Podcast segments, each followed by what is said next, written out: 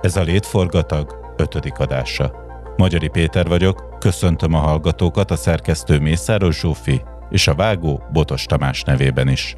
Lesz mindjárt vendég is. Ám előtte vegyük át, hogy mi történik körülöttünk. Elkezdődött a parlament tavaszi ülésszaka, és a kormány többség rögtön megszüntette az orvosok kötelező kamarai tagságát. Kötelező tagságot egyszer már az MSP SDS többség is eltörölte, míg Gyurcsány miniszterelnöksége idején, mert az orvosok akkor is ellenálltak a kormány akaratának. 2010-ben Orbánék visszahozták a kötelező tagságot, de most nekik lett kellemetlen az ellenállás, úgyhogy most ők is eltörölték. A magyar politikai rendszer fontos jellegzetessége, hogy csak a talpnyaló szervezeteket tűrik meg a kormányok. Parag László iparkamarájában a tagság például továbbra is kötelező. Az Európai Bizottságtól az a hír szivárok, hogy elégtelenek a támogatásokért hozott magyar intézkedések, egyre több jel utal arra, hogy március végén sem kezdenek gurulni a magyar államkasszába az eurómilliók.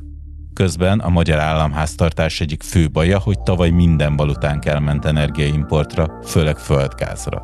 Erről is beszélgetünk vendégemmel, Plecser Tamással, az Erste olaj- és gázipari elemzőjével.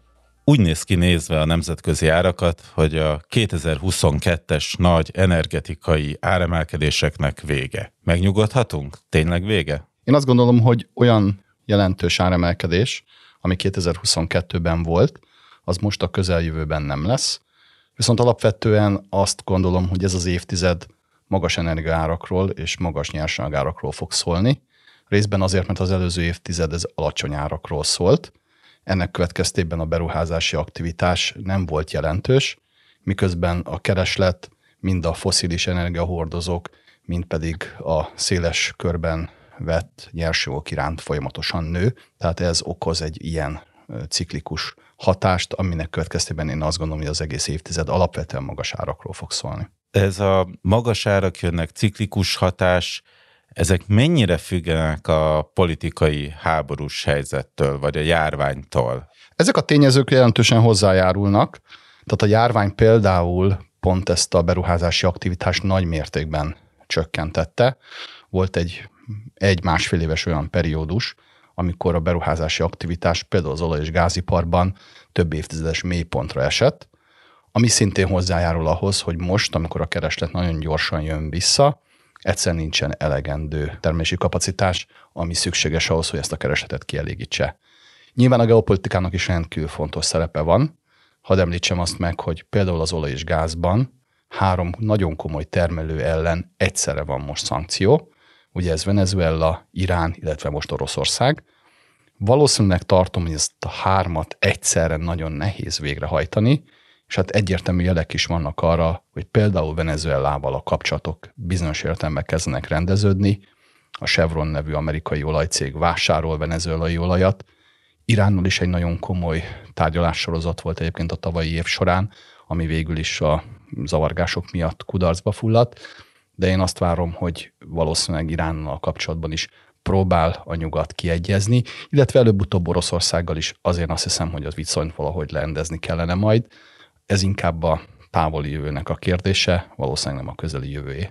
A beruházások abban a tekintetben 2022-ben biztos, hogy felpörögtek, hogy egy csomó LNG terminál épült Európában. Ez nem jelenti azt, hogy az orosz gáz tartósan ki fog szorulni mégis a kontinensről, ha már ennyit költenek messzebbről behozható cseppfolyós gázra? De igen, ez azt jelenti, hogy Európa hátat akar fordítani az orosz foszilis energiahordozóknak. Ezzel együtt azt gondolom, hogy valószínűleg szerepe lesz azért Oroszországnak az európai energiaellátásban. A kérdés az, hogy mekkora. Az biztosnak látszik számomra, hogy ugyanazt a szerepet, amit 2022. február 24 előtt bejátszott Oroszország, tehát hogy például 40%-ig ellátta a kontinens földgázzal, az biztos, hogy ez a szerep ez nem fog visszatérni. Egyszerűen azért sem, mert ebből a példából tanult Európa, látja azt, hogy diversifikálni kell, hiába tűnik olcsónak az orosz földgáz, hiába tűnik az, hogy az oroszok bármikor szívesen szállítottak korábban nekünk, egyfajta kiegyenlítő szerepük is volt egyébként az európai gázpiacon. Ezt a szerepet nem lehet visszaadni Oroszországnak, mert ez az ország ezzel a szereppel politikailag visszaélt. Márpedig, ha valaki egy ilyen dologgal visszaél, annál nagyobb kockázata tulajdonképpen az energiállátásnak nincs, úgyhogy egy ilyen szerepet nem lehet újra ráosztani Oroszországra. Magyarország esetében lehetséges a diversifikáció? Ugye ezt sokszor hallottuk az elmúlt évben magyar kormányzati szereplőktől, hogy ez nem elvi, hanem gyakorlati kérdés. A gáz Oroszországból jön, gázra szükségünk van, tehát nekünk továbbra is fenn kell tartani a beszélő viszonyt Oroszországgal. Ez valóban ennyire fekete-fehér kérdés? Én azt gondolom, hogy nem. Tehát Magyarország tudna diversifikálni olajban és földgázban is. Sajnos a szerepünk, illetve a helyzetünk nem szerencsés, olyan értelemben, hogy mi Európa közepén vagyunk, ugye nincs tengeri kiáratunk, ez mindenképpen megnehezíti a kérdést, de nem teszi lehetetlenné. Tehát látható például, hogy cseppfolyós földgázban Horvátországon keresztül tudunk cseppfolyós földgázt hozni. Kőolaj estében szintén egyébként Horvátországnak nagyon fontos szerepe van. Egyébként, ha le akarunk valóban válni Oroszországtól, Magyarország esetében Horvátország egy kulcs szereplő lesz, vagy már most tulajdonképpen az is. De ezek a dolgok, ezek keresztül vihetők. Nyilván a kérdés az, hogy mennyit szálljunk erre, hiszen ezek azért komoly beruházásokat igényelnek, és nagyon komoly politikai befektetést is. Ugye említettem már, hogy például Horvátországgal érdemes Magyarországnak hosszabb távon jóba lenni. Ugyanúgy érdemes például Törökországgal jóba lenni, hiszen például az orosz földgáz az a török áramlaton keresztül először Törökországba érkezik. Tehát ha Törökország és az Európai Unió között mondjuk feszült viszony lesz, ez kihathat például a magyar földgázellátásra is. Horvátország esetében most azt mondtuk, hogy elég kemény viták vannak a olajvezeték bérleti díjáról, és itt most volt egy ilyen három hónapos átmeneti megállapodás. Egyáltalán az Adriáról hozunk ebbe most olajat, és hogyan látja, hogy alakulhat ez a vita?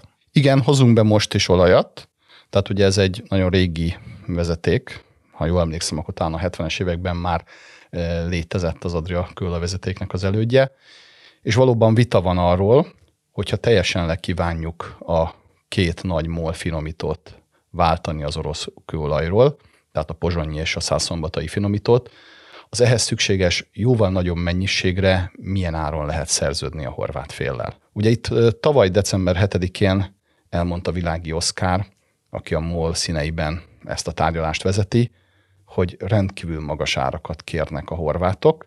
Az ő állítása szerint egyébként hétszeres árat kérnek a vezeték használatért a horvátok, mint ami egyébként az Európai Unióban megszokott ár. Ezt természetesen nem tudjuk igazolni, hogy igaz-e vagy sem, de látszik az, hogy a tárgyalások nem haladnak előre, illetve hogy nem közeledtek a felek, tehát nincs megállapodás március 31-e után. Én azt gondolom, hogy két irányú megoldása lesz egyébként a kérdésnek.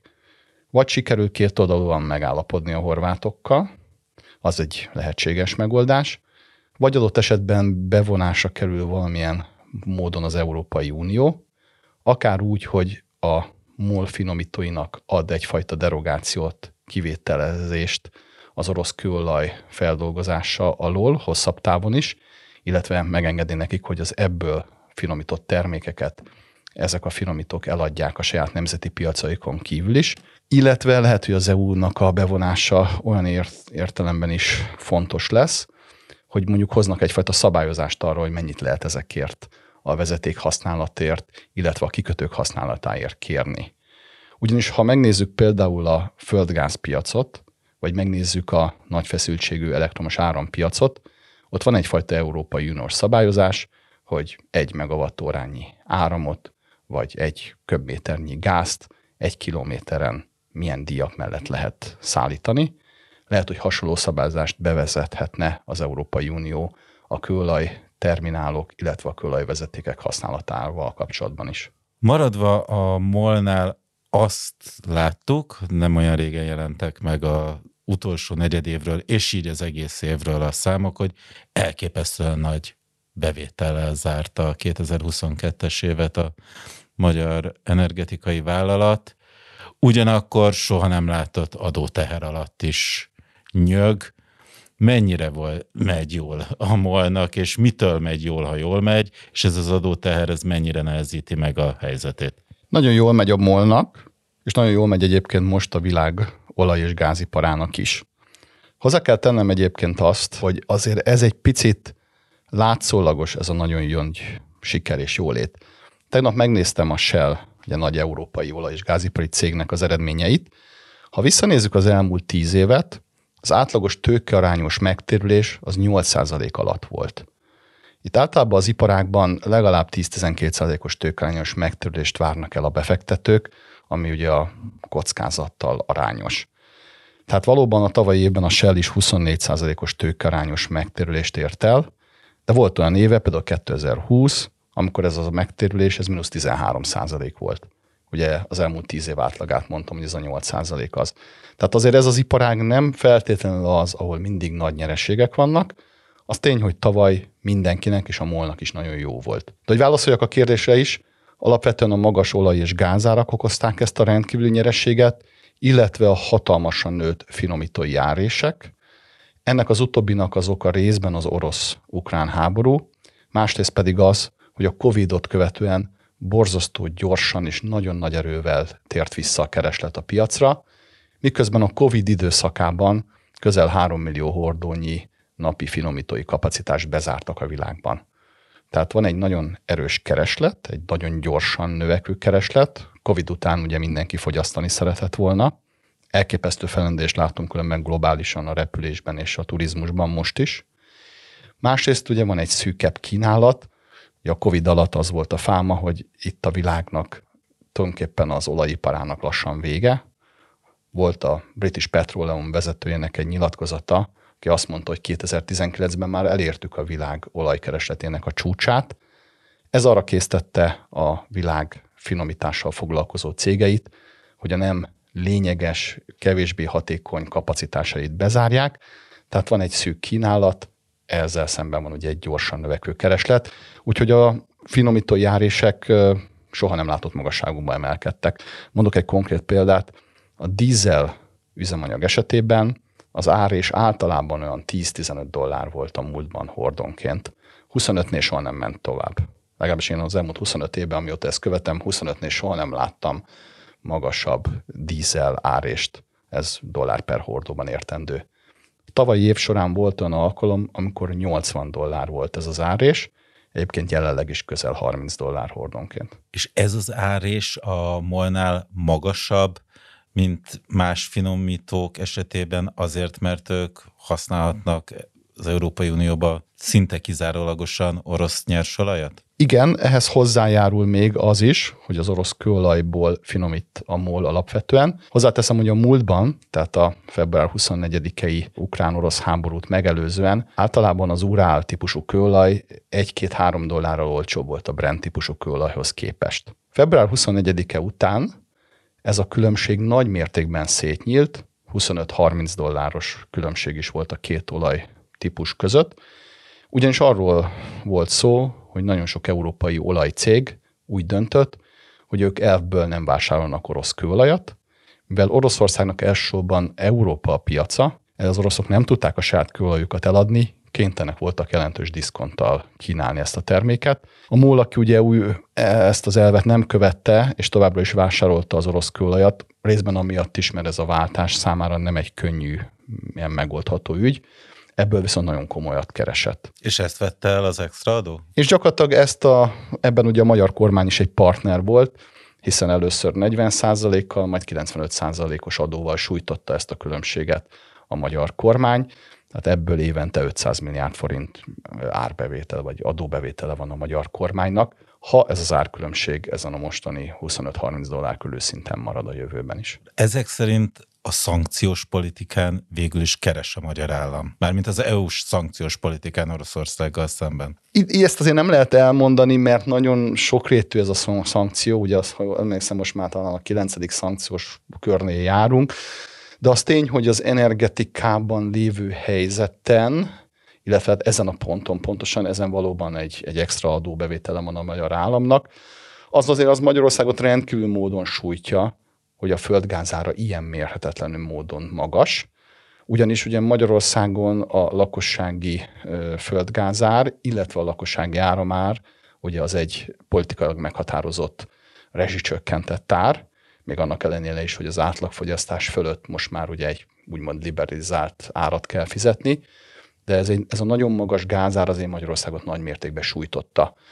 Mi a kollégáinkkal például azt számoltuk az Ersténél, hogy egy 80 euró per megawattóra fölötti földgázár, az gyakorlatilag lehetetlenné teszi azt, hogy a magyar külkereskedelmi mérlegó pozitív legyen.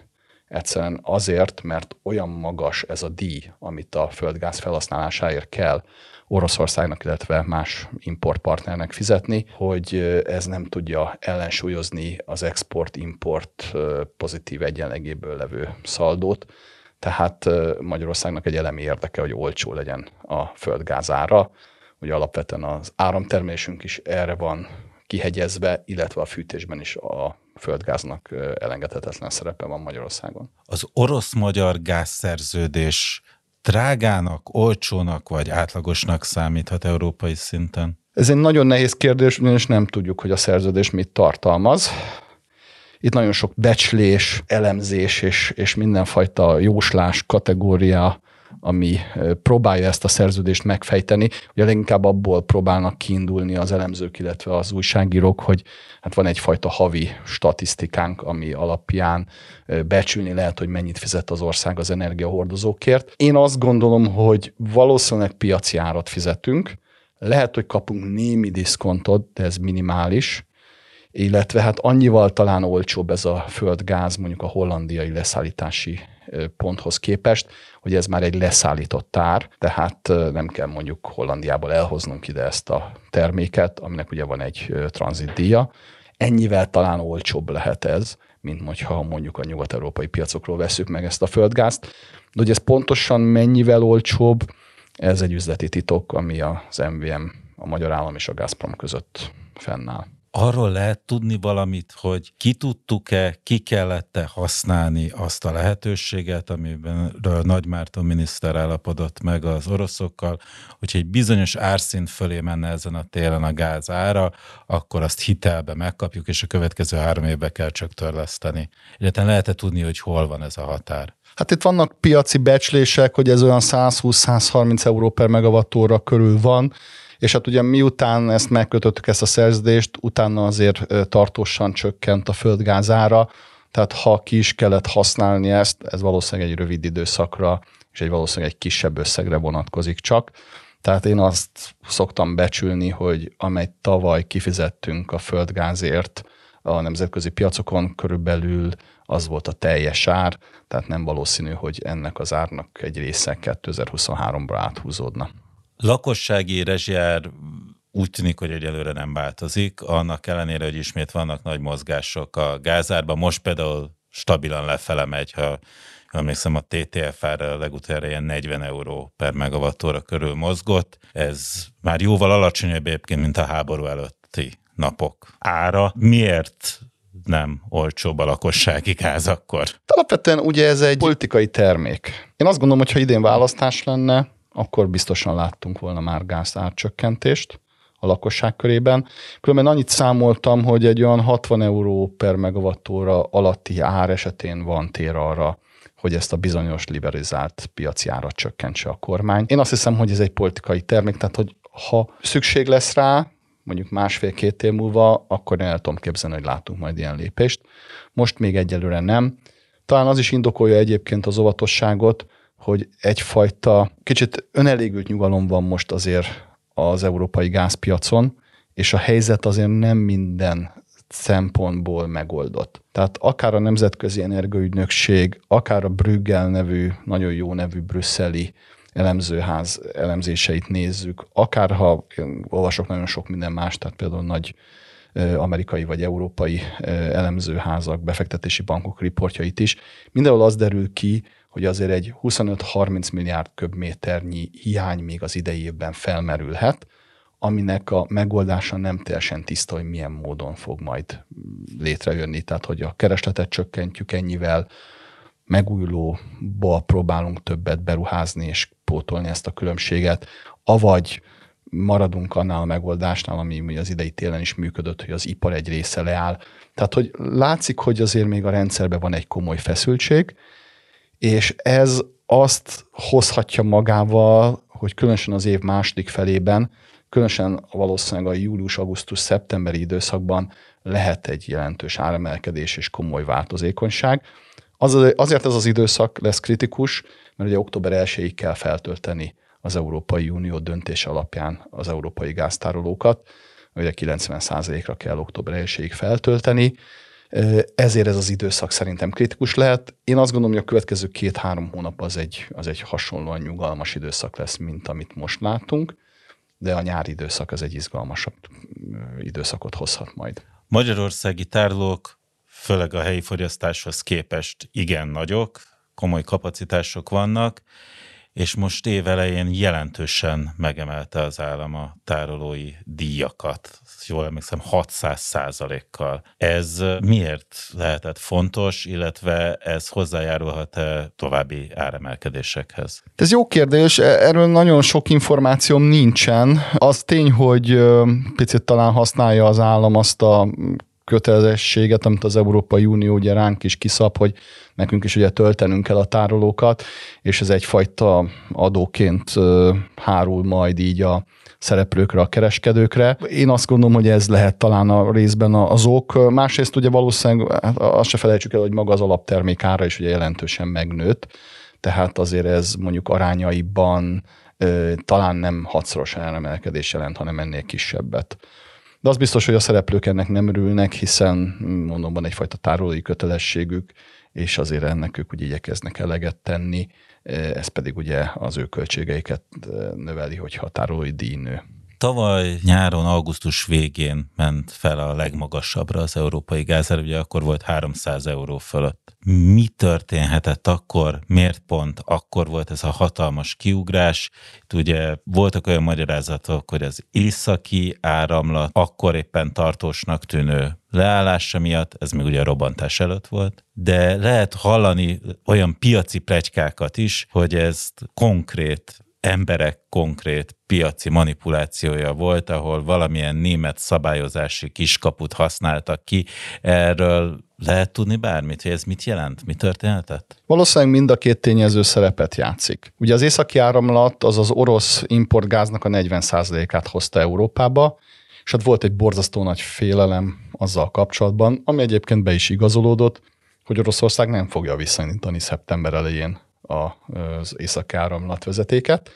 Tehát ugye ez egy komoly kiesés jelentett, amire azért a piac nem számított, vagy legalábbis álmában sem gondolta volna, hogy az oroszok ezt megmerik lépni. Ugye az látszott, hogy a háború ellenére március, április, májusban, sőt még júniusban is gyakorlatilag jött az orosz gáz folyamatosan. Voltak néha késések, a Jamal vezetéket ugye előtte már leállították az oroszok, de azt úgy el lehetett mondani, hogy oké, okay, az a lengyelek miatt van, lengyelekkel egyébként is ugye fasírtban vannak leginkább az oroszok, de a németek, hogy a németekkel kapcsolatban megmeri ilyet Oroszország tenni, szóval azért azért az nem volt benne a fejekbe. Másrészt az látható volt, hogy ez a piac nagy mértékben kiszáradt uh, itt a nyári időszak során, tehát sokkal könnyebben vált manipulálhatóvá, Úgyhogy én el tudom simán azt képzelni, hogy itt egy nagyon komoly spekuláció, adott esetben egy komoly manipuláció is volt orosz oldalról.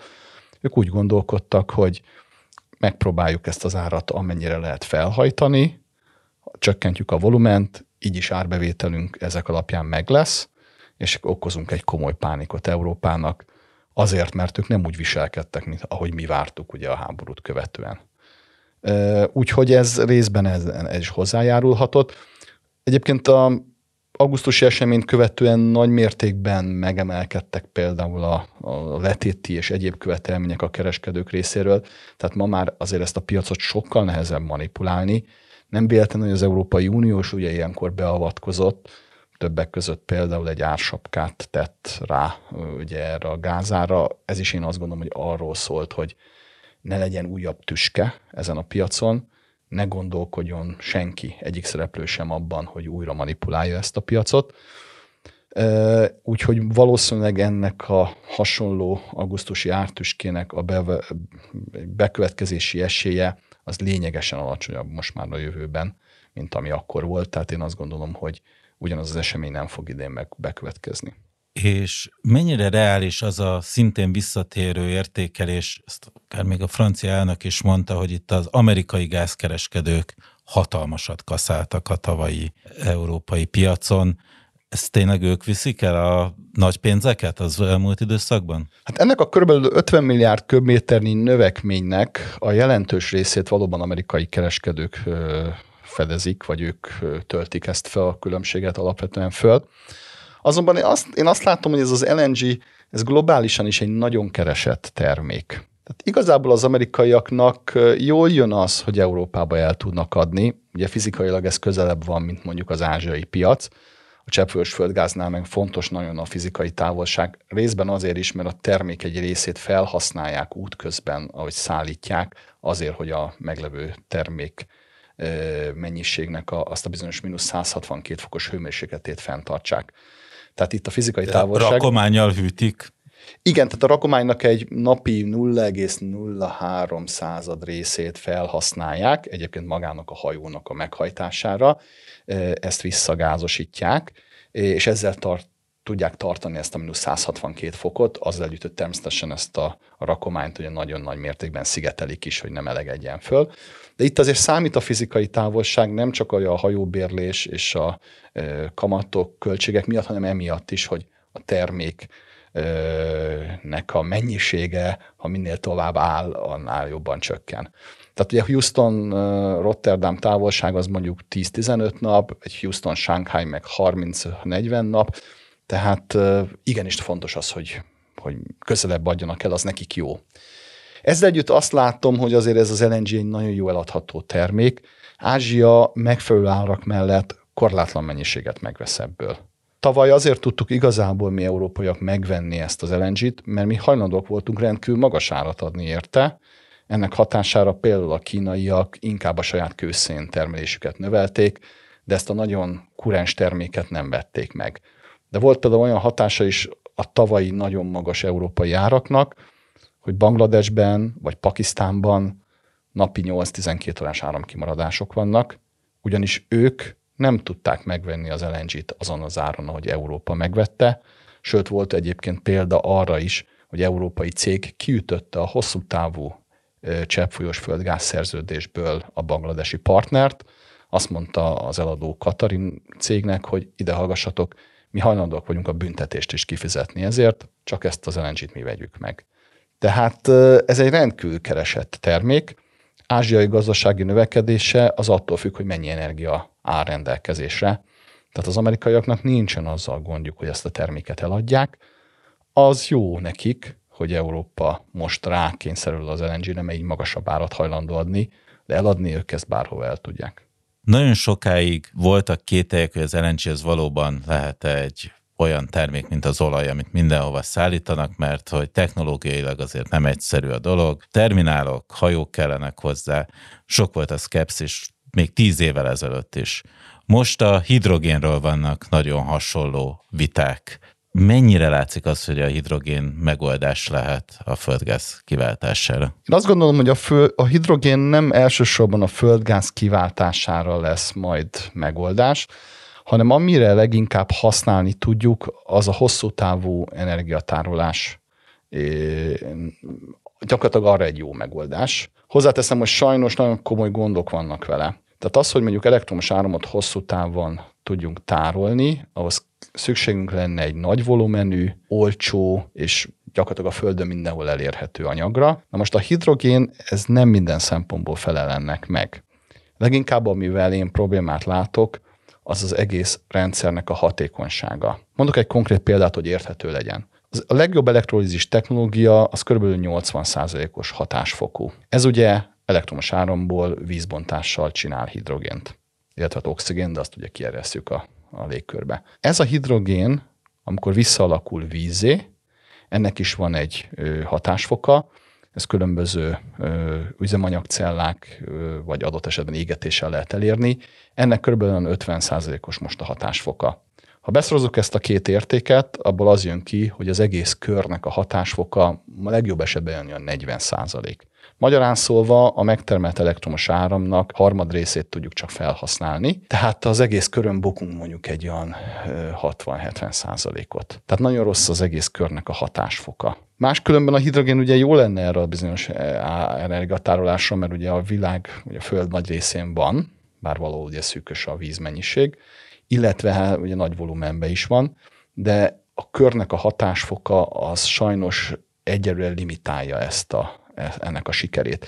Én azt látom például a nagy olaj- és gázcégeken, hogy a zöldítési folyamataik során a zöld hidrogén az utolsó helyeken van a listán.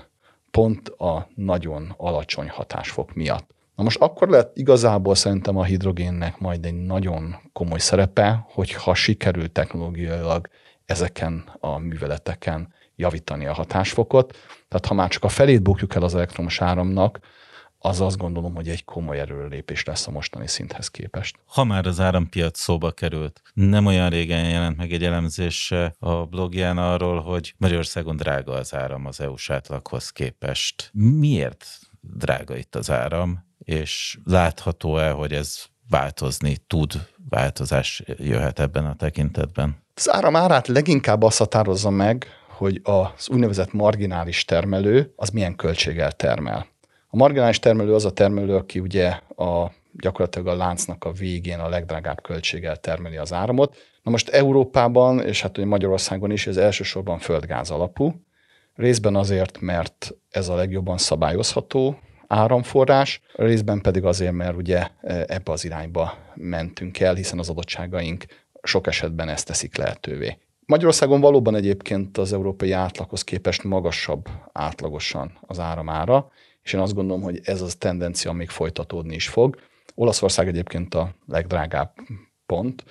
Eh, ahogy Magyarországnak egyébként nő az importigénye, illetve nő a mixen belül a földgázarány, én azt gondolom, hogy annál magasabb áramárunk lesz. Látva a mostani iparpolitikai fejlesztéseket, például a megtelepülő akkumulátorgyárakat, illetve azt, hogy az alapigény is Magyarországon jelentősen nőni fog, mondok egy-két számot, most 46-47 terawattóra áramot fogyasztunk. A minisztérium előrejelzése szerint 2040-ben ez 100 terawattóra fölött lesz. Duplázódik? Gyakorlatilag igen. Ugye egyrészt az autózás is a belső égésű motorról el fog menni az elektromos autó irányában, másrészt az épületfűtésben is az a cél, hogy a földgáz helyett egyen nagyobb legyen az elektromos arány. A harmadik tényező, hogy megmutattam, az pedig az ipar áramfogyasztása. Ha csak megnézem az új kettőgyárat Debrecenben, az önmagában egy 4 terawattórával növeli a magyar áramfogyasztást, ugye az kb. 10%-a mostaninak. Tehát ezek a tendenciák mind azt mutatják, hogy Magyarországnak sokkal több áramra van szüksége, és mivel az adottságaink olyanok, hogy ugye a földgázarányt kénytelenek vagyunk rövid távon növelni, főleg, hogyha ugye 2026-ban például ezeknek az akkumulátorgyáraknak biztosítani akarunk elektromos áramot, én valószínűsítem, hogy ez egy magasabb áramárat fog majd itt nálunk jelenteni. Ugye Paks 2 még a magyar áramtermelés reménye, az utóbbi időben láttunk nagyon nagy napelem telepítési programot, bejelentett az energetikai miniszter terveket új gázos erőművek létesítésére. Nagyjából ez a három lehetőség áll az ország előtt? Hát gyakorlatilag igen, illetve hát ki lehet használni ugye még a magyar lignit vagyonnak a, a egy részét, hát ez természetesen környezetvédelmi okokból ez egy nehéz kérdés. Gondolkodhatunk még például azon is, hogy ugye a szélenergia szerepét növeljük, a geotermiának is ugye növeljük a szerepét, ez is ugye kiválthat bizonyos mennyiségű elektromos áram felhasználást, illetve hát nagyon fontos lenne nyilván a szigetelés és a takarékosság. Ilyen értelemben egyébként én nem tartom túl okos ötletnek azt, hogy a nagyon energiaintenzív ipar irányába megy el Magyarország, mivel az ország adottságai nem igazán alkalmasak arra, hogy nagy mennyiségben, nagy volumenben, olcsó árammal lássuk el ezt az ipart. Tehát például, ha megnézem azt, hogy Európában hol telepednek le akkumulátorgyárak, Svédország egy nagyon jó példa, ugye ott van egy Northvolt nevű cég, az hasonló mértékű, vagy méretű elektromos akkumulátorgyárat akar telepíteni, mint Magyarországra a kettő, annak a, ugye az első fázisa. Ez a gyár egyébként az északi sarkörön túlra települ, ugye ott van nagyon olcsó szél, illetve vízi energia, van rengeteg alapanyag, amihez az akkumulátorhoz kell, illetve bőven áll rendelkezésre víz is. Na most Magyarországon ezek a tényezők jóval szűkösebbek, tehát én azt látom, hogy például ez a svéd gyár, ez sokkal hatékonyabban tud majd akkumulátorokat gyártani, mint a Magyarországon megtelepődő gyártók. Visszatérve még egy kicsit az olajra. Volt egy nagyon nagy izgalom az év elején, hogy nem lesz dízel Európában, hiszen annak egy jelentős részét Oroszországtól vett az Európai Unió, már így feldolgozott állapotban, és február 5 óta ezt nem lehet megvásárolni, de nem látszik, hogy dízelhiány lenne, hogy sorok lennének az európai benzinkutaknál, vagy leálltak volna a kamionok. Ez hogyan sikerült végül is áthidalni? Az Európai Unió nagyon jól megmutatta földgázban is, illetve kőolajtermékben is, hogy mennyire rugalmasan tud ö, működni, hogyha egy ilyen helyzet előáll. És én azt gondolom, hogy ez a dízel hiány elmaradása is annak tudható be, hogy az európai ö, olajcégek, illetve az egyéb szereplők nagyon gyorsan és nagyon könnyen tudtak leválni az orosz földgázról, illetve az orosz dízelről is. Emellett, ami egy szintén egy fontos tényező, hogy a világon a gazdasági aktivitás most nagy mértékben lassul, elsősorban az amerikai jegybank, illetve a többi jegybank kamatemelései miatt, amivel ugye az inflációt akarják megfékezni.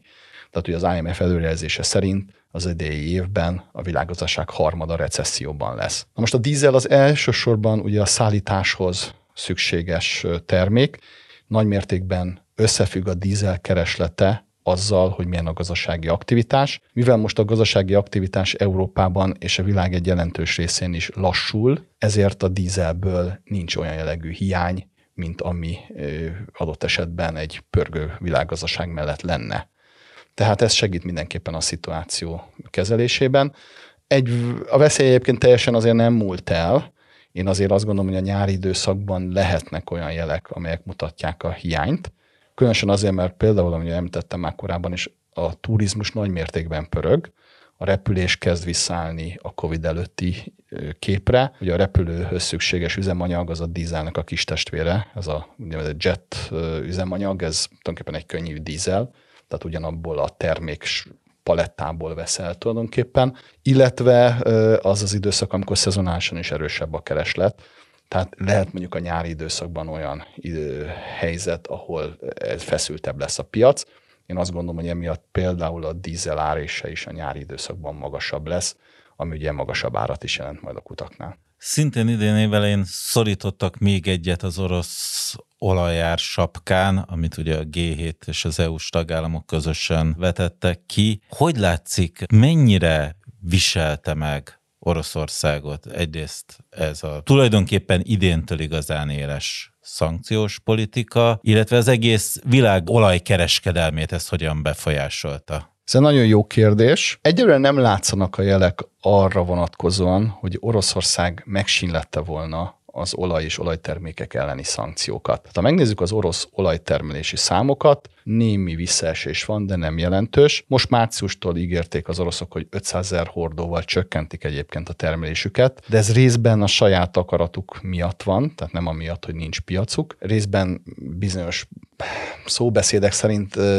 üzennek is a piacnak, hogy ők azért akár be is folyás, befolyásolhatják is az árakat, ha akarják. Mindenesetre azzal mindenki egyetért, hogy kell még néhány hónapot várnunk arra, hogy a szankcióknak a hatásai teljes mértékben láthatóak legyenek az orosz olajexport, illetve az olajtermékexport számokon. Én azt látom, hogy különösen azért olajtermékekben komoly gondjaik vannak az oroszoknak. Az olaj esetében könnyebb az európai piacok helyettesítése az ázsiai piacokkal, de például olajtermékek esetében nehéz eladni a terméket mondjuk Kínának vagy Indiának, hiszen nekik maguknak is többletük van olajtermékből. Tehát olajat nagyon szívesen vesznek, azokat a saját finomítóikkal lefinomítják, és rengeteg dízelt és benzin gyártanak, de nekik ezekből a termékekből többletük van, tehát ők is eladni szeretnének ebből, nem vásárolni az oroszoktól. Tehát én azt gondolom, hogy azért lesz ennek hatása, a becslések szerint egy kb. egy fél egy millió hordó per nappal csökkenhet az orosz olajtermelés azért a szankciók miatt. Ugye Oroszország tavaly jön közel 11 millió hordó olajat bányászott, és ebből kész, ezt részben közvetlenül olajként, részben olajtermékként adta el a piacokon, illetve maga is felhasznált egy 3-4 millió hordót. Tehát ez a 11 millió hordó per napos termelés csökkenhet valószínűleg olyan, olyan 10-10,5 millió hordóra az év végéig. Egy fontos dolgot hadd emeljek még ki, hogy Janet Jelen, aki kitalálta ezt a szankciós politikát, nem elsősorban arra irányultak a szankciók, hogy az orosz volumen csökkenjen. Sokkal inkább az volt a cél, hogy az oroszok által elérhető ár csökkenjen. Ugyanis attól nagyon féltek az amerikaiak és az európai döntéshozók is, hogyha nagyon csökken az orosz volumen, akkor ugye felrobbanhat az olajára, és az egész szankciós politika egy nagy kritikát kaphat akár a nyugat felől, a nyugati választók felől, akár ugye a, a keleti országok felől. Viszont az nagyon fontos lenne, hogy Oroszországnak csökkenjenek a bevételei, érezze azt a nyomást, hogy a háború miatt ugye a nyugat megbünteti őt. Ez pedig úgy tud inkább kialakulni, hogy egy kismértékben csökkelő volumen van együtt egy jelentősebben csökkenő árral. Tehát árakban ugye akár 30-40 százalékos csökkenést is látunk, amint az oroszok el tudnak érni, miközben a volumen az lényegében változatlan vagy pár százalékkal csökken. Ez összességben hozhat egyébként egy jelentősebb árbevétel csökkenést. A januári statisztikai adatokon látszott is ez, Oroszország 2023. januárjában 46%-kal kisebb árbevételt ért el dollárban az olaj és egyéb foszilis szénhidrogének exportjából, mint 2022. januárjában. Ez azért jelentős változás. Még arra akartam rákérdezni, hogy Magyarországból most lesz-e mini Texas. Tele voltunk olyan hírekkel az elmúlt hónapokban, hogy vecsésről olajat fogunk bányászni, Békés megyében sorra nyílnak az újabb gázkutak. Ezek mennyire jelentős vagy érdemi felfedezések, egyáltalán új felfedezések Ezek azért új felfedezések, de azt hozzá kell tennem, hogy az országot ugye a 30-as évek óta jelentős mértékben kutatják szénhidrogének iránt, tehát nagyon nagy találatot nem fognak elérni a szereplők, akár a MOL, akár más, nem csak a MOL termel egyébként kőolajat Magyarországon, ezt nem szokták tudni, hanem más cégek is. Nagy felfedezések biztos nem lesznek. Ezek a mostani találatok szerintem arra jók, hogy a magyarországi termelésnek a mennyiségét szinten tartsák, vagy a csökkenésnek a mértékét lassítsák. Tehát ugye Magyarország durván termel egy 1,2-1,3 milliárd köbméternyi földgázt, és valahol egy olyan, jól emlékszem, olyan 10-15 ezer hordó per napnyi kőolajat, ami hát kb. 10%-át fedezi a kőolaj és a földgáz igényeknek is. Tehát kb. ezek a találatok arra lesznek jók, hogy ezt a szintet tartsuk, vagy egy kismértékű csökkenés legyen, egy kisebb mértékű csökkenés legyen, mint ami egyébként a természetes 3-4 os csökkenésből jönne. Az utóbbi években, akár évtizedben is azt hallhattuk, hogy a fosszilis energiaordozóknak vége, a klímapolitika az a megújulók irányába tereli a világot, Közben azt is láthattuk, hogy tavaly a szénből többet égettek el az EU-ban, mint az elmúlt években valaha. Most is nagyon sokat beszéltünk olajról, földgázról. Mik az elemzői várakozások?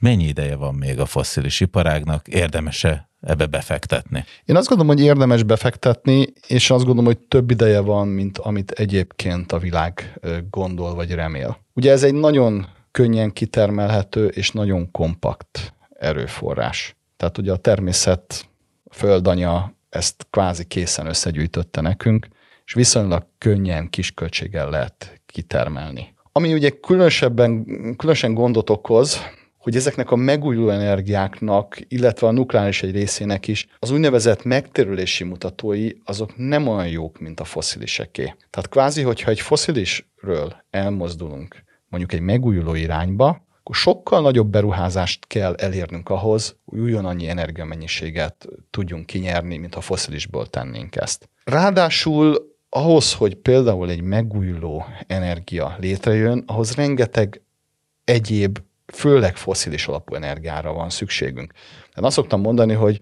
ugye megnézek egy szélkereket, az a megtestesült foszilis energia.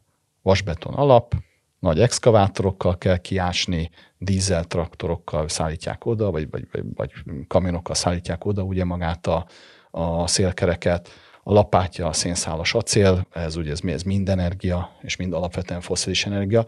Tehát magához az egész változáshoz is rendkívül sok foszilis energiára van szükség. Maga az energiaváltozás is egyébként hajtja a foszilis energia keresletet. Ráadásul azt ne felejtsük el, hogy ez a zöldítés, ez inkább egy fejlett piaci probléma. Ha elmegyünk a fejlődő piacokra, mondjuk Afrika vagy Ázsia fejlődő területeire, ott nem az a kérdés, hogy zöldet akarok, vagy foszilist. Ott az a kérdés, hogy legyen. Tehát ők mindenképpen azt szeretnék, hogy minél hamarabb tudjon a gyerek tanulni, tudjon kiparosodni, tudjon az ország fejlődni. Tehát számukra ez a zöldítés, ez nem egy olyan kulcskérdés, mint a mondjuk egy nyugati ember számára. Úgyhogy én azt gondolom, hogy a foszilis az sokáig még velünk fog maradni, nagyon bízok benne, hogy lesznek olyan technológiai áttörések, mint például a hidrogénnél ugye már beszéltünk, ami ezt az egész változást ezt felgyorsítaná. Bill Gates például, aki amellett ugye a Microsoft alapítója, nagy mértékben foglalkozik ilyen kérdésekkel is. Egyik cikkébe az becsülte, hogy a jövőbeli zöld technológiáknak a felét még nem találtuk ki. Tehát egy nagyon komoly technológiai forradalom is szükség lenne ahhoz, hogy a világban ez a zöldítés ez gyorsan végbe menjen, és az hamarabb elhozná a foszilis energiahordozóknak a végét. Plecser Tamás, nagyon szépen köszönöm. Köszönöm én is.